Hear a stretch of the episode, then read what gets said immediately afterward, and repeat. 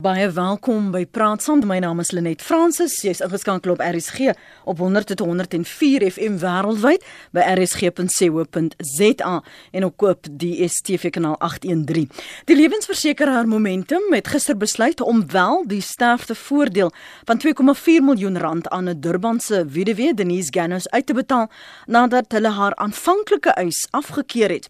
Haar man, Nathan Gannos, het in 'n haalkoel stadens 'n kaping gesterf, maar die versekeraar haar het gesê dat haar man 'n siekte toestand gehad het wat hy kon sês nie verklaar het toe hy vir die versekeringspolis uitgeneem het nie of dan nou aansoek gedoen het nie.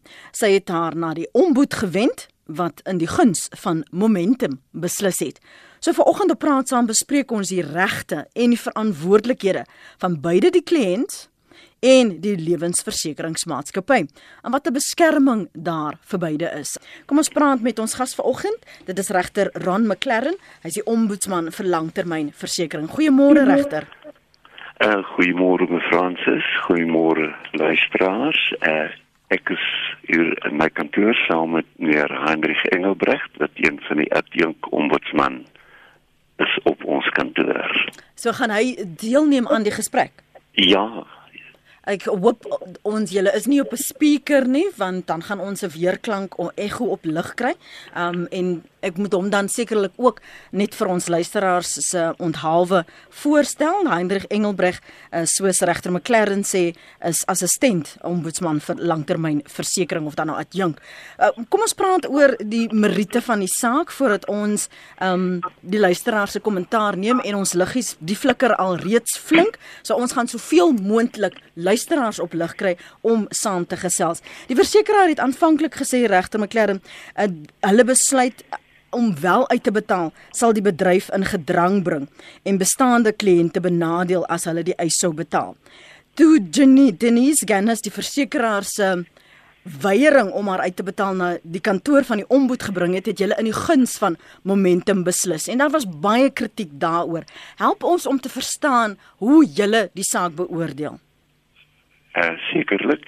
Uh ons kan nie die meriete van hierdie spesifieke saak bespreek nie. Uh dit is nie nodig om die meriete van die spesifieke saak te bespreek nie. As ons die beginsels bespreek, sal dit van baie meer nut vir die luisteraars wees. Uh ons is nie geregtig om die meriete van die saak te bespreek nie.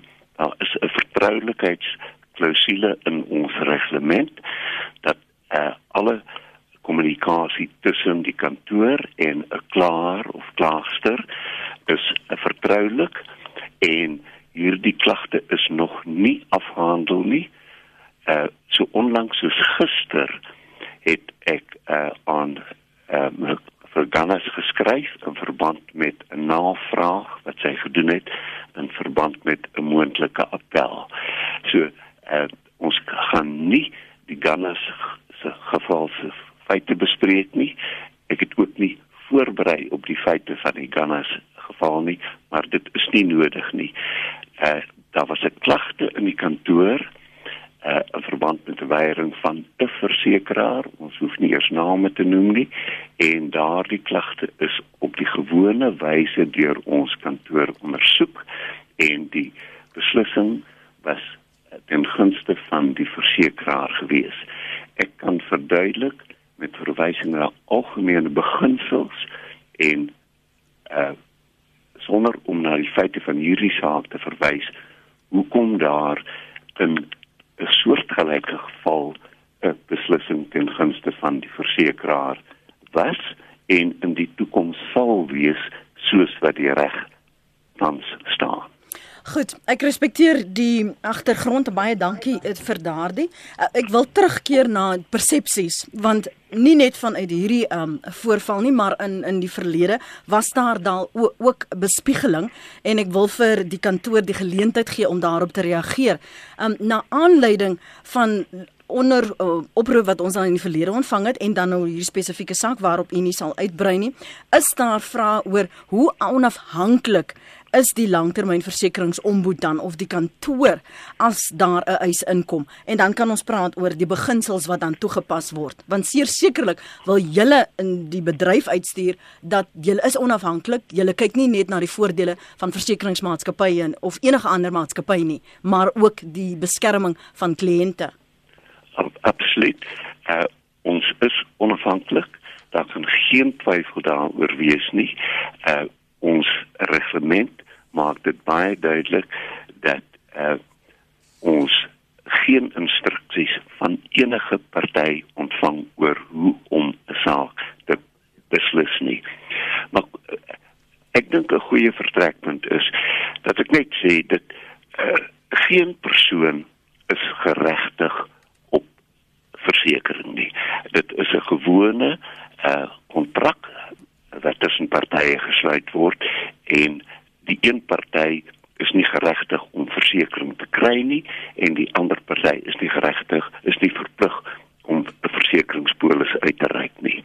Dit is 'n regsplig wat erken word in ons reg en spesifiek in die wet op langtermynversekering dat daar 'n plig is op 'n aansoekdoener vir 'n polis om alle wesenlike inligting aan die versekeraar te openbaar. Dit is die vertrekpunt van enige uh, gesprek in verband met hierdie uh, tipe voorval. Daardie plig word erken en die rede daarvoor is dat die versekeraar in 'n posisie geplaas moet word om behoorlik die risiko uh, te oorweeg en dien ooreenkomstig te besluit of die versekeraar die risiko gaan aanvaar en indien wel teen watter premie en op watter voorwaardes. Indien daardie regsplig verbreek word, eh, dan is die versekeraar geregtig om die polis van die oorsprong af te kanselleer en uh, aanspreeklikheid te ontken uh in gevolge enige polis.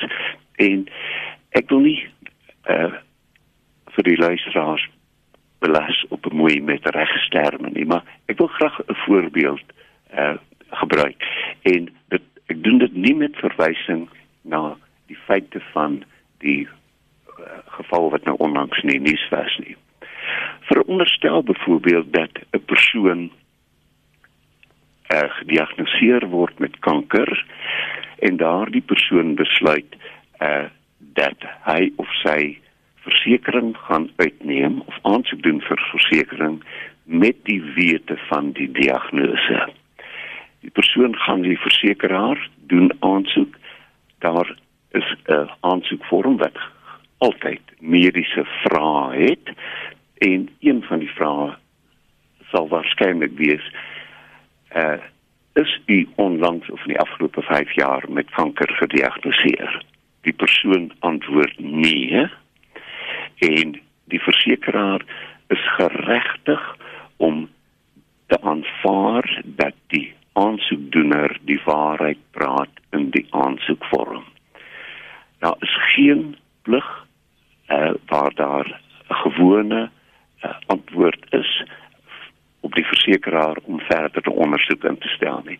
Later in die gesprek wanneer ons uh, kyk na ons kantoor se rol en die verpligting wat ons het om te sien dat daar geregtigheid geskied teenoor die versekerdes, sal ons verder kyk na die plig van die versekeraar wanneer uh, 'n aansoekvorm ontvang word.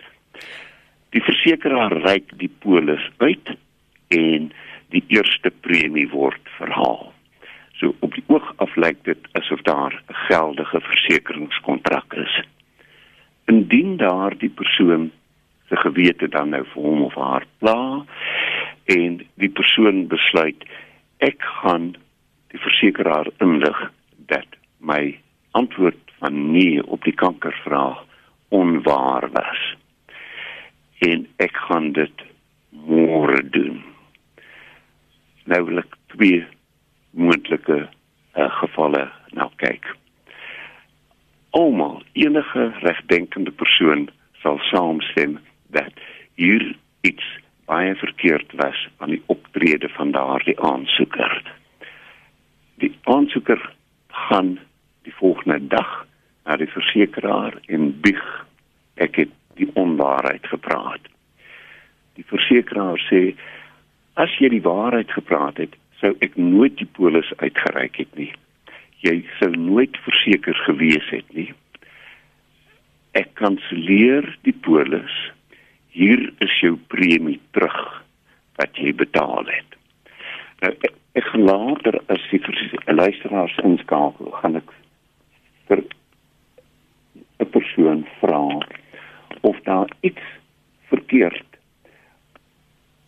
is in die versekeraar se optrede wat dan sê ek wil jou nie as 'n versekerde hê nie want jy het my inderdaad mislei oor jou gesondheidstoestand ek sou jou nie verseker het nie Ek het vroeër gesê dat ons die perspektief van Dean Rousseau van Ethics SA vinnig wou kry oor hoe hy die situasie lees en wat hy dink ter sprake is as ons praat oor etiese bestuur en etiese vennootskappe um, binne nie net die langtermynversekeringsbedryf nie, maar ook met jou kliënt as 'n uh, kliënt. Ons is hoor kom ons hoor gou sy mening en dan gaan ek aan die lyne toe anoniem hou vir my aan. Ek is nou nou by jou. Ek sien jy's daar in Kroonstad. As ons kyk na die momentum saak wat tans nou ehm um, soveel aandag in die media geniet, dan dink ek is daar 'n paar perspektiewe wat 'n mens in ag behoort te neem. Die een is dat uh as dit kom by enige kontraksluiting, dan is dit so dat ehm um, wanvoorstelling onaanvaarbaar is. Dis eties onaanvaarbaar. Uh dis 'n vorm van bedrog. So daarom is jy 'n versekeringskontrak van watter aard ook al met 'n versekeringsmaatskappy uh sou aangaan, is dit belangrik dat jy korrekte inligting moet verskaf. Ehm um, want enige vorm van wanvoorstelling is maar 'n vorm van bedrog wat op die ou end uh, tot nadeel nie net van die versekeringsmaatskappy strek nie, maar ook tot nadeel van al die ander lede van die spesifieke skema waaraan jy behoort. En die rede hoekom wanvoorstelling ehm um, onaanvaarbaar is behalwe dat dit bedrog is, is dat dit nie 'n gelyke speelveld skep tussen die versekeraar en die versekerde persoon nie. Want as jy byvoorbeeld in die geval van 'n lewenspolis uh, sekere inligting nie sou openbaar waaroor jy wel beskik, dan onneem jy die versekeringsmaatskappy daarvan om jou premie byvoorbeeld te belas omdat jy 'n hoë risiko is of om selfs te besluit om jou hoegenaamd glad nie te verseker nie.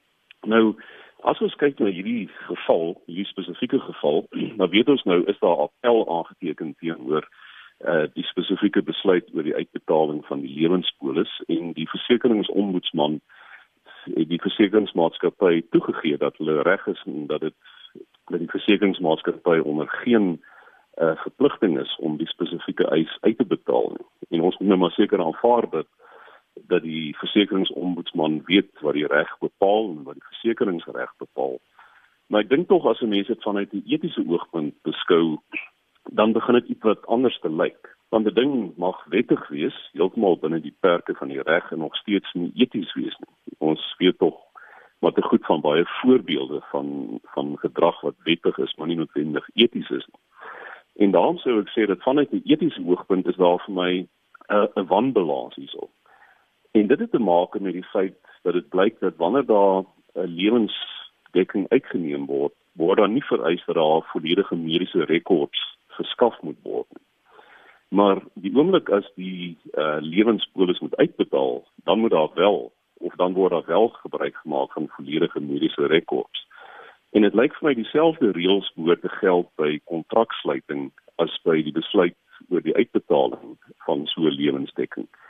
En dit lyk vir my dat hierdie hele uh, baie ongelukkige insident heeltemal vir my kon gewees het as dieselfde stel reëls gegeld het vir kontraksluiting as wat geld by die besluit of 'n polis uitbetaal moet word of nie.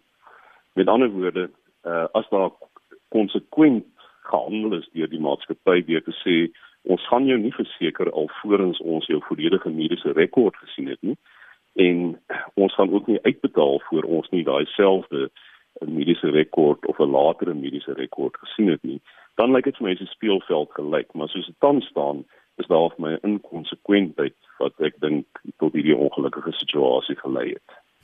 Dis die stem van eh, Dion Rousseau hy is by Ethics SA. Ek gaan nou-nou vir regter Ron McLaren geleentheid gee om sy gedagtes uh, te deel na aanleiding van daardie argument. Kom ons hoor eers wat sê anoniem in Kroonstad. Goeiemôre. Môre Lenet. Môre gesels gerus asseblief. 'n Vrou, ek het uh, my man het 'n polis uitgeneem by 'n sekere maatskappy. En toe dit kom dat hy ongeskik verklaar is by sy werk wat hy gedoen het. Toe word dit gesê meneer, jy die fynskrif gelees want jy het nie 'n hand verloor nie, jy het nie 'n been verloor nie, jy het nie 'n oog verloor nie. Maar dit is nie hoekom hy die polis uitgeneem het nie.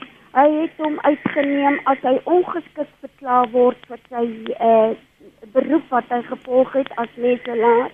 Toe word dit gesê Hulle kan nie uitbetaal nie want die uit nie die fynskrif gelees nie. Goed, baie dankie. Ons sal praat oor daardie fynskrif en uh, nog nog 'n anoniem hier Kreersdorp. Môre. Goeiemôre Lenet en al jou gaste. Jong, ek ek self is ook 'n kliënt van hierdie benoemde versekeringsmaatskappy wat nou nuus gemaak het. En ek moet vir jou sê in 'n mate voel ek bitterlik jammer vir die versekeringsmaatskappy hierson want die social justice wat ook nou na vore gebring was was gebaseer op op feite wat klaar in die klaar in die media bekend gemaak is. En ongelukkig kon die versekeringsmaatskappy ook net reageer op daai feite wat reeds bekend gemaak is.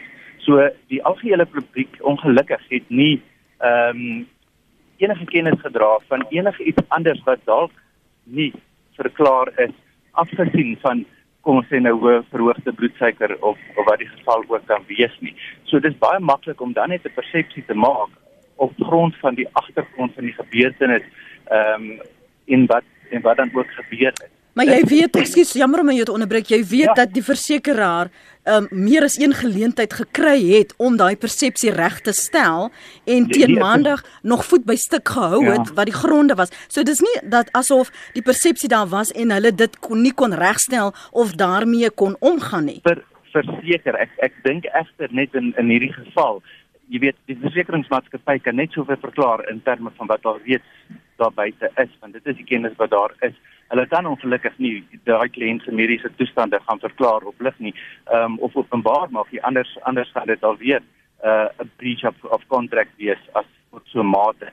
Bygesê dit die feit dat saam met die saam met en ek jy die punt gemaak in terme van ehm um, mense dalk nie die noodwendige mediese kennis om te weet dat jou bloedsuiker dalk te hoog was of ehm um, of 'n gevaar of jy 'n gevaar gestel het nie pertinent ook weet ek met my aansoekvorm wat voltooi was, was daar ook 'n ander vraag wat gesê het, het jy gegaan um, onlangs in die laaste 5 jaar vir enige gespesialiseerde laboratoriums of bloedtoetse? En daar seker sekerlik sou die kliënt tog seker ook die kans gegee geword het om te sê ja, ek het vir bloedtoetse gegaan in terme van my suiker. En dan is ek seker dat dit sou ook die versekeringsmaatskappy 'n vlaggie opgesteek het om te sê, "Goed, ons soek asseblief die resultate van daai van daai ehm um, spesifieke bloedtoetse. So ek is dis verskriklik tragies vir my wat gebeur het met die Genas familie. Ek ek dink net nie dat ons op hierdie stadium as as as 'n as 'n gemeenskap tree noodwendig reg op teenoor 'n maatskappy wat ook nou sien ek in die nuus wat uitgekom het en 'n uh, oplossing geskep het vir toekomstige ehm um, probleme wat met die verband dan nou ook uh, sou as sou iets so in die verband weer gebeur het. Maar baie dankie vir jou tyd. Nee, dankie vir jou tyd. Dankie dat jy ingebel het. So ek wil eers vir jou geleentheid gee om te reageer regter op die die argument van Dion Rousseau en dan kan ons praat oor die fynskrif en die grys areas as ook die verpligtinge van die versekeringsmaatskappy, die konsekwentheid in die beoordeling van aansoeke en dan eise en uitbetalings en dan miskien praat oor die implikasies vir die toekoms terwyl ons luisteraars vir ons bel. So kom ons praat eers oor die etiese kwessies wat Dion Rousseau daar ter tafel geplaas het. Wel, uh ek sê vir hom baie dankie. Ek dink hy het baie mooi uiteensetting gegee van eh uh, die verpligting wat daar is om behoorlike eh uh, openbaarmaking van al die wesentlike feite te hê en eh uh, hy het ook gewys uh, daarop dat eh uh, dat as jy nie daardie plig aan voldoen nie, dit kan bedrieglik wees selfs al is dit nalatig of onopsetlik die feit bly staan die plig word nie geopenbaar nie.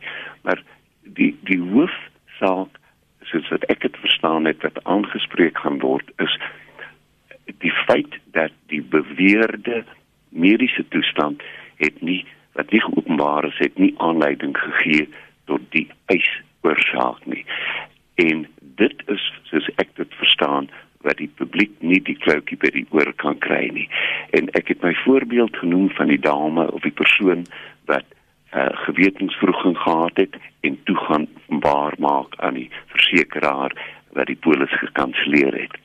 Nou as daardie persoon op pad na die versekeraar toe 'n motorongeluk gehad het en te sterwe gekom het, dan sou die posisie presies dieselfde gewees het as wat dit gewees het nadat die persoon 'n erkenning aan die versekeraar gemaak het. Die ooreenkoms is aanvegbaar omdat daar nie 'n behoorlike openbaarmaking van wesenlike inligting was nie en die feit dat die dood of die eis oorsaak nie verband hou met die kankertoestand wat nie geopenbaar is is regtens nie tersaaklik nie en daarom staan die versekeraar by die besluit wat geneem is en ons kantoor maak geen verskoning vir die beslissing wat ons geneem het nie. Daar is 'n er moontlikheid van 'n appel. Ek het reeds daarna verwys. Ek bespreek nie die meriete van die saak nie. Uh ons het uiters kundige en uiters ervare regters op kantoor. Beslissings word gewoonlik geneem, beslissings van hierdie aard word geneem in vergaderings wat bestaan uit waar ek teenwoordig is, my adjunk, 8 of 9 ervare regters. Daar's gewoonlik 'n voorlopige bevinding dan indien dit betwis word opgevolg word met 'n finale bevinding. So die die meriete van die beslissing is my baie duidelik. Uh op die feite wat ek geskets het, was daar 'n nie openbaarmaking van kanker en die persoon sterf in 'n motorkarongeluk wat nie verband hou met die kanker nie, maar die polis is aanvegbaar as gevolg van die openbaarmaking. Ehm uh, meneer Rousseau het dit baie duidelik uiteengesit en uh, hy het ook verwys na die etiese kwessie wat hy gegrond het in die etiese etiese balans. Uh, dan word uh, uh, by wanneer eis kom word daar uh, mediese verslag aangevra en uh, hy sal weet dat dit gewoonlik gebeur indien 'n eis ontstaan kort nadat die polis uitgeneem is. Party versekeraars het 'n beleid dat indien uh, enige ongeluk gebeur uh, na 'n sekere tydperk dan ondersoek hulle glad nie die mediese geskiedenis van 'n persoon nie.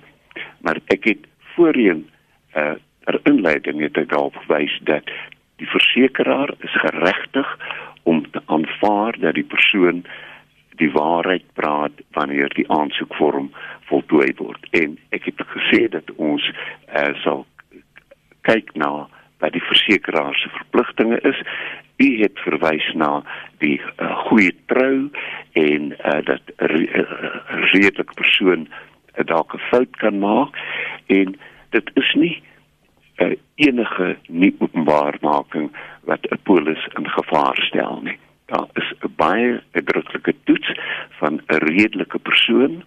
Uh dit is inligting wat deur 'n redelike persoon geopenbaar sou gewees het wat uh besaaklik is en dit word as wesentlik beskou. So dit is nie 'n klein foutjie of 'n goedertrou fout uh wat 'n polis uh, in risiko, op risiko stel nie en het, hy het genoem dat daar uh, die hele voorval kon vir my gewees het indien die versekeraar aanvanklik aangedring het op 'n volledige mediese ondersoek maar dit is juist so dat indien 'n aansoeker mediese inligting verskaf in die aansoekvorm dan kan die versekeraar wanneer die risiko, die omvang van die risiko oorweeg word, dan kan die versekeraar vra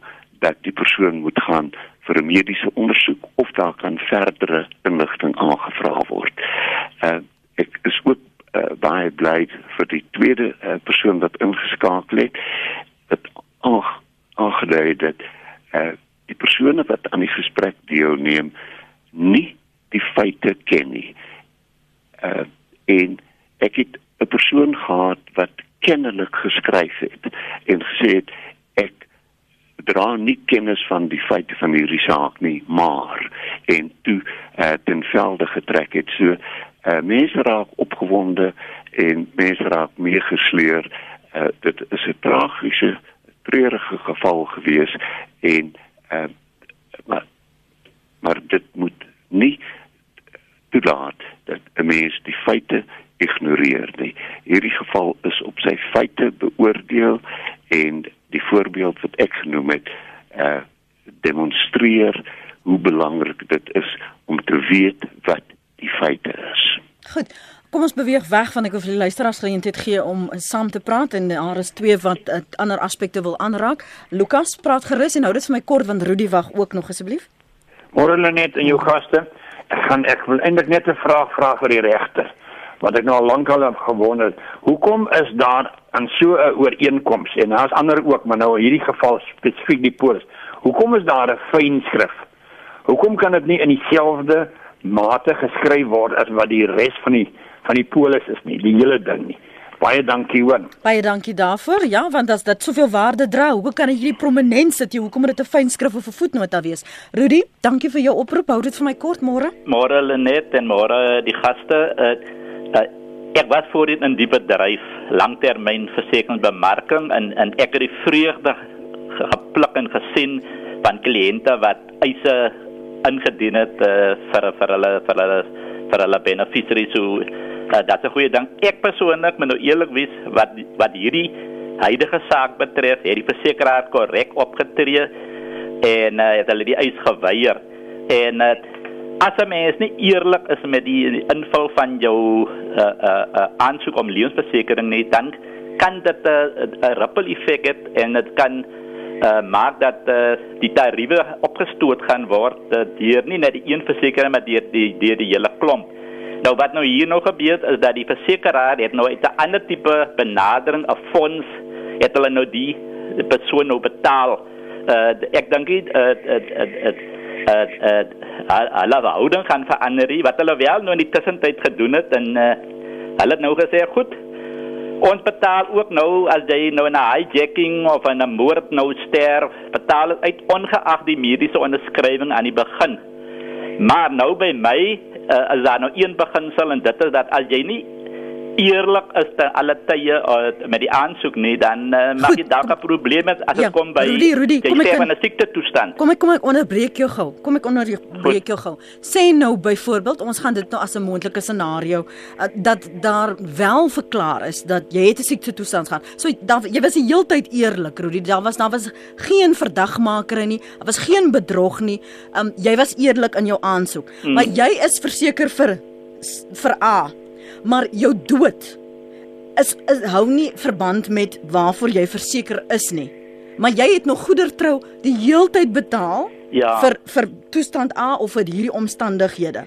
Nee nee, Lenet, jy's jy's korrek, maar onthou jy noem nou nie vir my dat die persoon wat uh, eerlik is uh, dat dat hy ook wat die mediese situasie betref eerlik was. So die onderskrywing is nou gebaseer as 'n die persoon is hy's gesond, geen probleem nie. Dit is natuurlik die onus of lebi uh, natuurlik by die versekeraar om uh, om om vir jou te laat gaan vir mediese uh, toetse. Maar Lanet, ek moet eerlik wees, ek het al gesien dat makelaars wat uh, soms uh, dit gaan nou so 'n bietjie, jy weet, laat hier en daar laat die aansoek uh, lekker gepolis lyk. Like, uh, want hoe, hoe minder obstakels daar is vir die onderskrywingsproses, uh, gouer kan die kommissie uitbetaal word.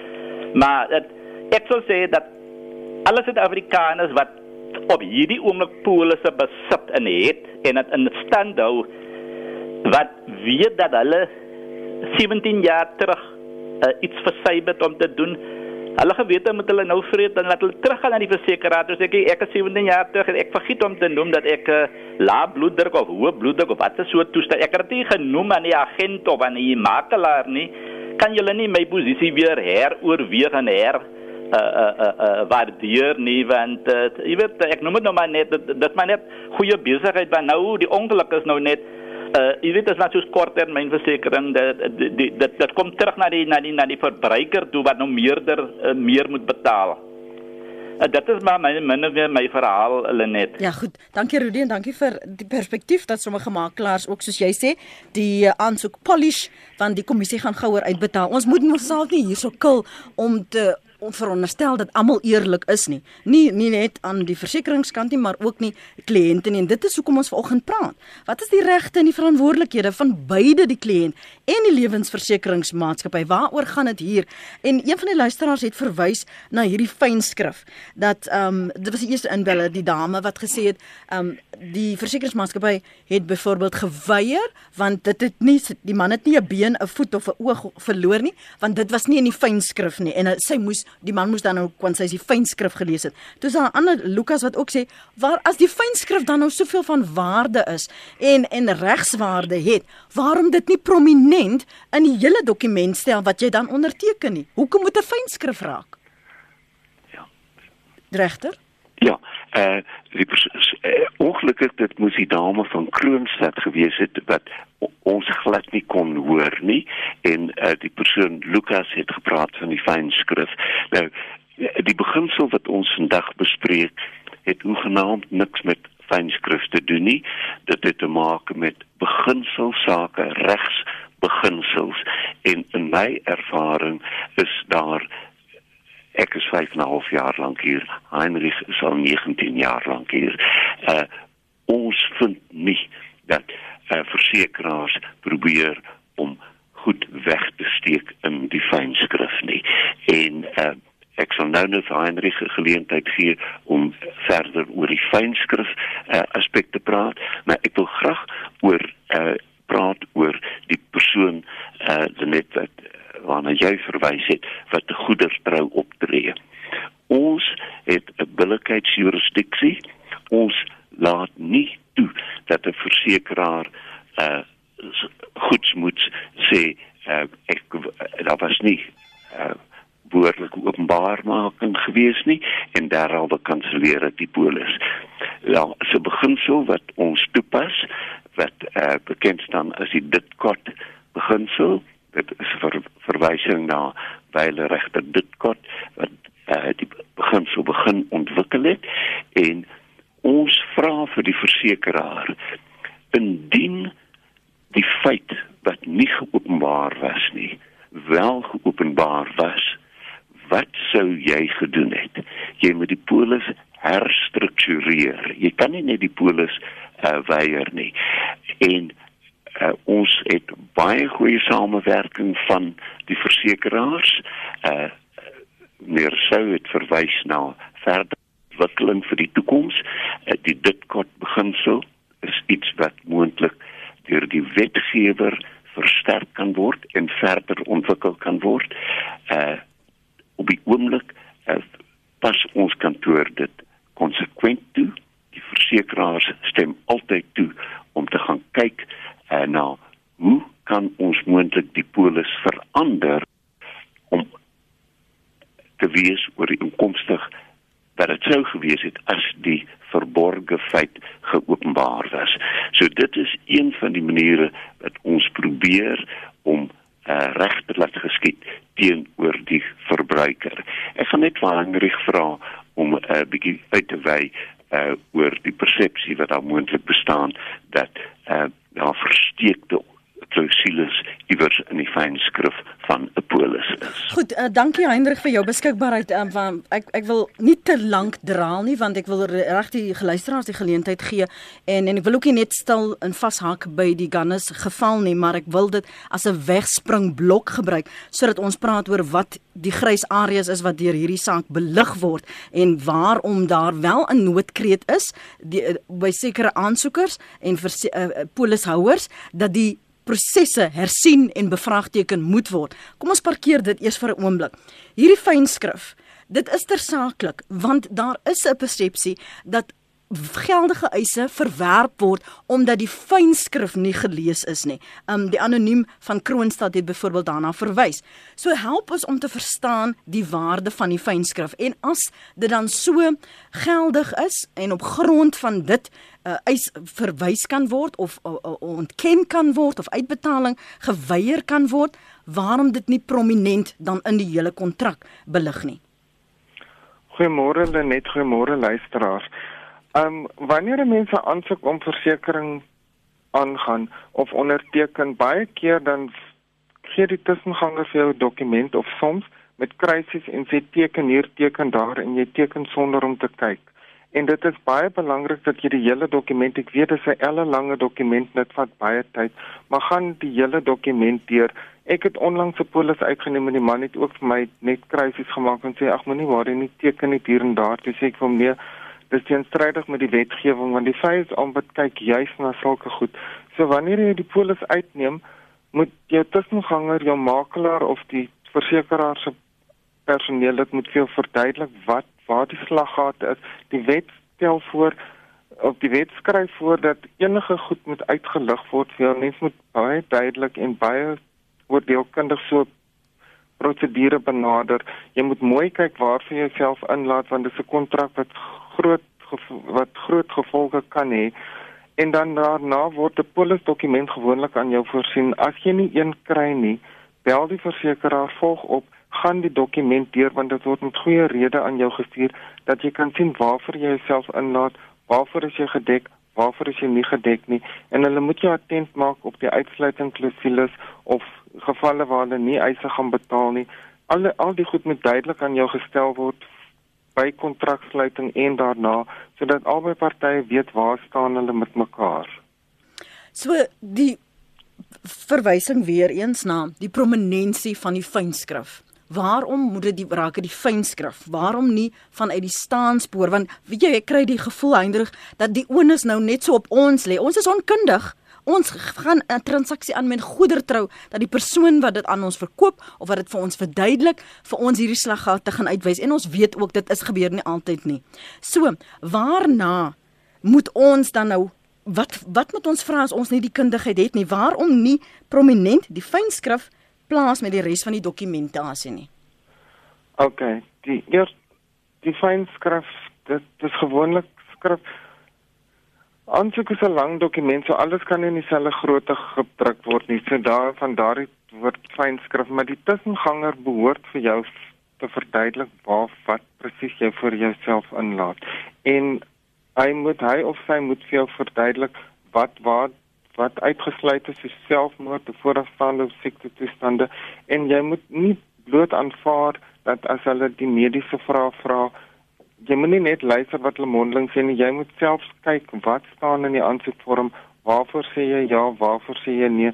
Soos die een persoon uitgewys het, hulle vra gewoonlik was jy die afgelope X aantal jare vertoets of so. Nou as daai vraag gevra was, dan dan kan 'n mens dit antwoord.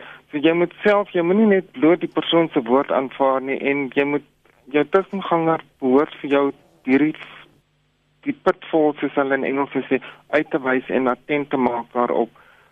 So daar is 'n onus op die die tussenganger ook om jou attent te maak op die goed voor jy jou kontrak aangaan en dan wanneer jy jou kontrak ontvang behoort jy dit ook weer eens na te gaan om te kyk waarvoor jy verseker is en waarvoor nie. Anoniem hou dit vir my kort asseblief môre. Ja, goeiemôre. Ehm um, baie interessante program vanoggend. Ek wil net uh, nommer 1, ek voel eintlik nie baie gelukkig oor die oor die strekking van die van van van hierdie hele bespreking nie. Want die versekeringsmaatskappy voel vir my nou is in die beskuldigde bank. Ehm um, uh, maak nou nie saak van die grys areas nie. Ons het almal verseker of meeste mense het al kontrakte aangegaan. So die persoon as dit nou oor hierdie saak gaan en dis nou wat die hele hierdie hele uh, uh bespreking afgeskop het. Het gegaan oor 'n onwaarheid. En, en daar's baie van die mense wat onwaarhede weergee wanneer jy versekerings uitneem. Ek bedoel ons het almal versekerings of meeste van ons seker. So die dit gaan oor om dit om om om die waarheid te praat nommer 1. En dan oor wat jy gas gesê het, die etiese en die professor ook. So dis vir my uh, nogal 'n uh, uh, uh, ek wil dit graag van 'n ander kant af vat. Want as ek die makelaar is en jy jok nou vir my, dan uh, sal ek dit nie weet nie. Of vice versa. Uh, die ander kant as jy nie alles openbaar maak nie. Die onus rus egter op. As ek 'n voertuig gaan koop, dan kan ek daardeur gaan presies elke dingetjie kyk want ek gaan 'n kontrak aangaan. En so werk dit met alle kontrakte. Goed anoniem, dankie vir jou punt en dan op lyn wat is dit? Vivian op lyn 3. Vivian? Hallo. Praat gerus. Dankie vir die program. Ek was baie nie baie jonk. Ek was in my 40s toe ek die polis uitgetrek, reg? Nou aan die tyd het ek nou ek is 'n diabetes, high blood, cholesterol. Wat gebeur nou die dag as ek my oë sluit en my kind gaan nou na die insurance plek toe en wat gaan hulle dan vir hom sê? Ekskuus? As ek nou die dag dood gaan, reg? Ja. My beneficiary gaan nou om die geld te kry want dit is nou hy moet dit kry. Mhm. Mm nou, gaan hulle sê jou ma het ABC gehad. Ons kan nie veel sien nie. Wat gebeur met die geld dan? Kom kom gee vir Heinrich geleentheid om daaroor te gesels. Heinrich? Ja. Uh, ag Lenet, uh, Dis u regter gaan ek het die gehoorstuk by my. Uh, ek gaan uh, Vivian se vraag eers beantwoord. Uh, uh, daar's woord geen probleem hoegenaamd te wees nie want siekte toestande wat ontstaan nadat die polis uitgereik is is heeltemal irrelevant. Uh, ek wil graag aansluit by wat die vorige dame wat anoniem was gesê het. Sy het gesê eerstens is om die waarheid te praat. Hoofbeginsel. Dit vind aansluiting wat by Rudy gesê het. Wees eerlik. Ons tyd is besig om uh op te raak en ek dink ek net graag 'n uh, bietjie advies deel. Heinrich het al advies gegee. Ek sal graag raad wil gee. Praat die waarheid. Dis 'n aansoekvorm. Praat net die waarheid. Uh moet nie wegskram van die waarheid nie. As u onseker is oor wat die antwoord op 'n vraag is, dan kan jy skryf op die aansoekvorm ek is onseker. En as die versekeraar dan sy oë sluit vir daardie antwoord, dan sal dit nie deur ons kantoor teen u gehou word nie, want dit is die tipe antwoord wat die versekeraar op sy hoede behoort te stel. Die versekeraar is dan verplig om te sê u het vraag nommer 3 geantwoord deur te sê ek is nie seker nie. Uh kom ons help vir u. Uh wie was u dokter? Kan ons die dokter uh nader of is u bereid om uh, vir toetse te kom of uh toetse te ondergaan sodat ons kan vasstel wat die posisie is. Uh as u nie seker is nie, moet nie 'n uh, kans waag of 'n raaiskoot waag uh, om 'n vraag te beantwoord nie. Verskaf eerder meer inligting as wat aangevra word. Regter? Dit ons het net so 'n minuut wat ek gou net hierdie een punt wil aanraak. Momentum sê dat hulle besluit is terugwerkend en hulle gaan nou alle kliënte wat in soortgelyke situasies was, kontak om die saak reg te stel. Watter grys areas is belig uit hierdie voorval en wat momentum sê dit is nou 'n innoverende uh, oplossing uh, wat hulle na vore mee kom. Hoe waar plaas dit die res van die versekeringsbedryf wat met hierdie soort voorvalle gekonfronteer nou gaan word? Ek dink dit is innoverend. Ons sal met groot belangstelling kyk na wat die ander versekeraars doen, maar uh ek sal nie verbaas wees as daar 'n reaksie is dat ander versekeraars hulle voorbeeld volg nie. Baie dankie vir jou beskikbaarheid vanoggend. Waardeer die geduld in tyd. Regter Ron McLaren is ombudsman vir langtermynversekering en uh, ons het so vir uh, rukkie ook gehoor van Heinrich Engelbreg. Hy is die assistent ombudsman vir langtermynversekering. Baie dankie vir die saamgesels.